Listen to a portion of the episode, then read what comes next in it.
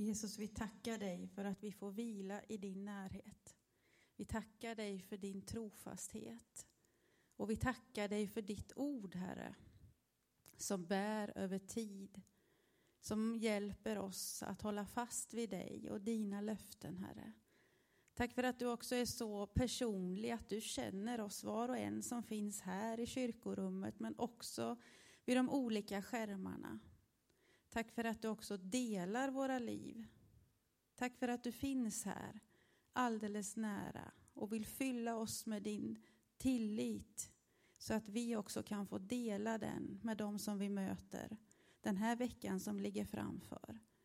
Tack för att vi får stärkas i det som är dig och dina löften, i det som ditt ord beskriver, hur människor över tid har hållit fast och känt sig burna, trots misslyckande, trots tvivel och osäkerhet, så har det burit. Och tack för de där orden som Karin läste om det där lilla men. Även om mycket omkring oss ser ut att till och med svika, förstöras, gå fel, inte hålla, så finns det alltid ett trotsigt men. Vi har dig och det vill vi hålla fast. Stärk oss nu med ditt ord och dina löften också genom den här predikan, Herre. För vi behöver dig i en tid som denna. Amen. Innan jag börjar predika så vill jag också säga tack. Tack till alla fina ord och presenter som jag fick när jag avslutade min pastortjänst här i församlingen. Det betyder mycket. Och eh, den där nattvardsservisen, kalken och fatet, det står där hemma som en fantastisk bild för Guds trofasthet men också för det som vi har delat och delar som församlingsgemenskap av den här tilliten till Herren. Så tack så jättemycket för det som har ja, sagts och uttryckts på olika sätt. Nu till dagens predikan. Våra val, de får alltid konsekvenser. Och eh, jag vet inte hur du tänker när du hör om det. När jag satt och funderade inför predikan så kom den där barnleken i mitt inre. Jag har inte tänkt på den på väldigt länge. Men eh, när man var liten så lekte man, där jag bodde då, en bonde i vår by. Det var en sångdans, ringleksdans. Eh, vi hade en bonde i mitten och vi andra gick åt ett håll och bonden gick åt andra hållet. Och så sjöng vi lite under tiden, en bonde i vår by, en bonde i vår by. Hej hopp, tralala, en bonde i vår by.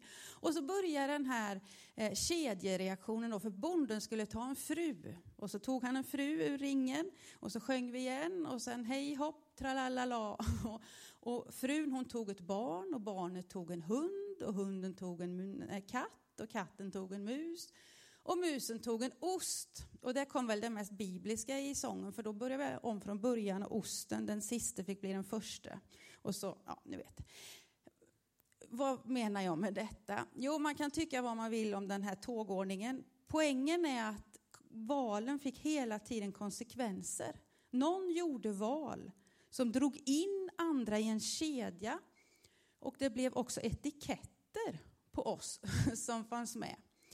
Det här var ju bara en lek. Men ha med dig den där bilden av prövningens stund som också kan vara en stund när vi gör val där vi drar in varandra på olika sätt och sätter etiketter på varandra eh, och vad det kan göra med oss. Prövning, ja, det är ju ett sånt där svårt ord. Och vi har olika relationer. För vad är en prövning? Ja, en prövning kan ju vara att eh, i skolans värld se hur mycket kunskap man har i ett eh, visst ämne eller en visst sammanhang. Att kan man prövas? Eh, och det kan vara det här med ont och gott. Man kan utmanas, man kan frestas, man kan prövas. Gud han har i alla fall lovat i första Korintierbrevet 10 och 13 att inte du och jag ska prövas över vår förmåga. Att det någonstans finns ett skyddsnät omkring oss när vi utsätts för de där tiderna av hinder, eh, frustration och prövning. I Jakobsbrevet 1 och 12 så står det också så här att man till och med kan vara salig. Salig är den som håller ut och han prövas. När han har bestått provet ska han få det eviga livets segerkrans som Gud har lovat dem som älskar honom. Kriser och prövningar det visar vad vi har inom oss. Det blir särskilt tydligt vad som läcker ut. Nalle Puh han säger att det sitter i själva stoppningen. Det är det som är avgörande, vad som finns i liksom själva stoppningen. Våra karaktärsdrag blir synliga när marginalerna blir små. Och när vi inte orkar, när vi inte hinner putsa på fasaden, då spiller det över. Och så säger vi om varandra att hon eller han var ju inte som jag riktigt trodde. Eh, och så ser man de där vackersidorna och baksidorna ur lite andra sammanhang. Jag har läst en bok där jag drogs in i två berättelser. Dels var det en pappa som är i en eh, ja, i ett skidsammanhang med sin familj. Och så ser de en lavin som börjar rulla liksom mot dem. Och vad händer då? De sitter vid en restaurang liksom. Eh, och pappan, han ser det här hotet komma och han rusar därifrån. Och det som händer är sen att den där lavinen blir inte så farlig som man trodde. Men det har uppstått en ja, en lavin utav komplikationer i familjerelationerna för att pappan drog. När hotet uppstod, när prövningen kom, så drog han som skulle liksom hålla ihop. Den andra bilden som beskrivs är precis tvärtom. Istället för att när rädslorna tar över rädda sig själv så är det då en pojkvän som befinner sig tillsammans med sin flickvän i ett sammanhang där det kommer någon för att hota och skada. Och de ser, pojkvännen ser att den här mannen där borta, han börjar skövla och gå liksom över lik för att, att få sin rätt fram. Det pojkvännen gör då är att han kastar sig över sin flickvän för att skydda henne. För att liksom rädslan gjorde att han kände att jag måste rädda den som jag har närmast. Precis tvärtom som den första berättelsen. Vad som pyser fram i dig och mig när vi utsätts för hot och rädslor, för tider av prövning, det kan vi inte alltid veta innan. Så därför får man ju också vara lite försiktig, för vi vet inte hur vi reagerar. Men därför är det bra att fundera i goda tider. Hur skulle jag vilja vara när det blir tufft och svårt? När jag utsätts och utmanas? Vi ska givetvis ha en bibelberättelse med oss in i detta. Och det finns tre aktörer som vi kommer möta. Berättelsen är från första Mosebok 16, vers 1-13. Det är trons fader Abraham. Det är hans halvsyster men också hans fru som där och då heter Sarai och senare kommer kallas för Sara. Eh, hon är då matmor och eh, den som bestämmer över slavflickan, den egyptiska Hagar.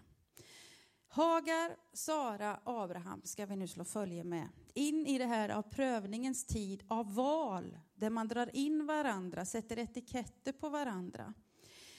För att den här berättelsen ska ytterligare liksom kompliceras så ska vi veta att Sara då, hon är ett föredöme, säger Nya Testamentet.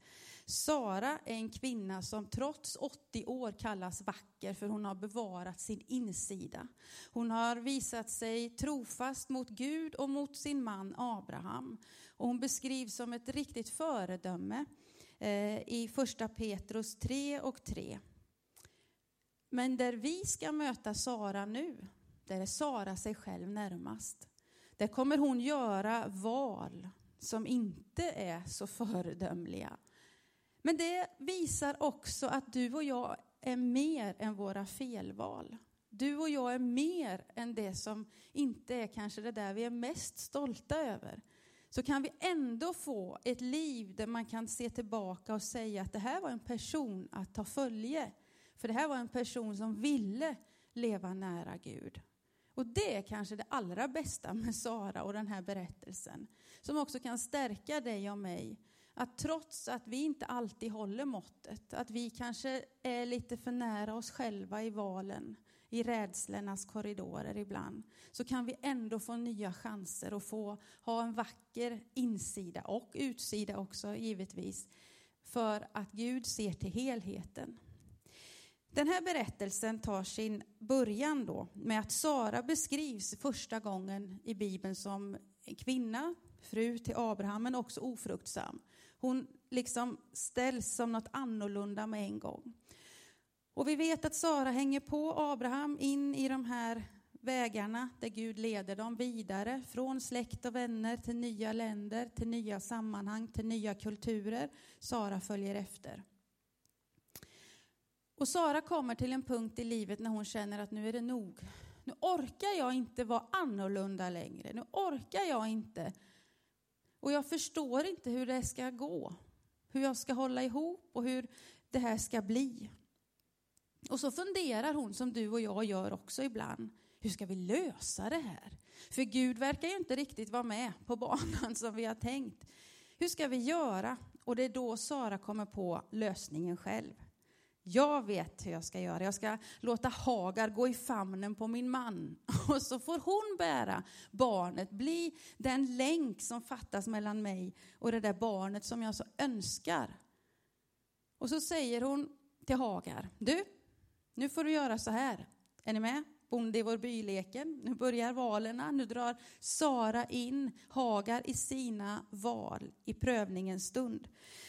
Hagar blir utvald att föda det barn som inte Sara får själv. Och vad Abraham tycker, det vet vi ju inte. Eh, men han är ju med i den här dansen i alla fall. Det här får konsekvenser. För när Hagar märker att det växer ett barn i magen på henne så växer också föraktet för den där kvinnan som ska styra hennes liv. Ha, nu har jag någonting som du inte har. Och så börjar det där ytterligare dansandet då, snurrandet på ytterligare sätt av att markera sin position. Hagar blir ganska kaxig och så börjar den där rivaliteten mellan Sara och Hagar att öka. De är besvärliga mot varandra och till slut så inser Sara att det här blev ju inte som jag hade tänkt. Jag hade ju en plan, jag visste ju hur jag skulle göra för att lösa det här och så funkar det inte. Och Abraham, han står någonstans bredvid och så säger Sara till honom Hagar har blivit elak, nu får du ta tag i det här. Blanda inte in mig i den här relationen. Alltså säger han ju inte riktigt, men det är lite så vi anar. För att Abraham, han säger, du får själv bestämma. Det är du som bestämmer över Hagar, så du får göra vad du vill i det här. Vad ska Sara göra nu då? Ja, då bestämmer hon att nu Hagar får du ge dig iväg. Hon bestraffar Hagar. Nu får du sluta. Får du ge dig iväg härifrån mig. Och då känner Hagar att här kan jag ju inte vara. Här har jag ett barn i magen för att den där kvinnan har bett mig att göra så att barnet ska växa. Och här finns en man som jag har, ja, och vem är för mig, vem är mot mig? Osäkerheten tilltar och Hagar flyr. Det är också en konsekvens i den här, när man blir indragen i olika sammanhang och situationer. Hagar flyr ut i öknen, ensam, med ett barn som växer i hennes mage med en rädsla som tilltar. Hur blev det så här? Ja, det ena gav det andra. Det växte hela tiden. Och det är då Gud möter Hagar ute i öknen.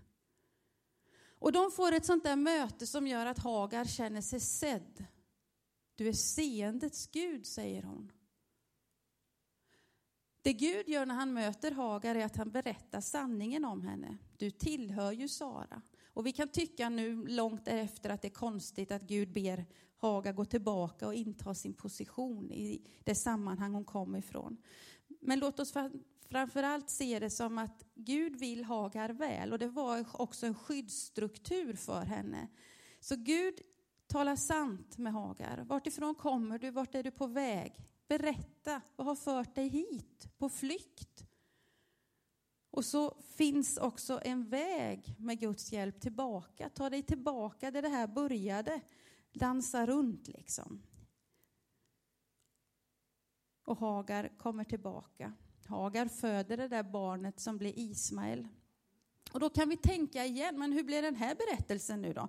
Den skulle ju börja med Sara och omsorgen om Sara i prövningens stund och så bara börjar Gud bry sig om alla andra. Så kan det också bli i prövningens stund att då börjar vi titta på alla andra och så börjar vi jämföra hur är Gud mot andra och hur blir han mot mig nu då när det blev så här? Ja, nu måste vi ju titta på perspektivet i stort. Gud hade ju inte gett upp varken på Abraham eller Sara. Det vet vi ju, för längre fram så kommer Isak födas som en gåva.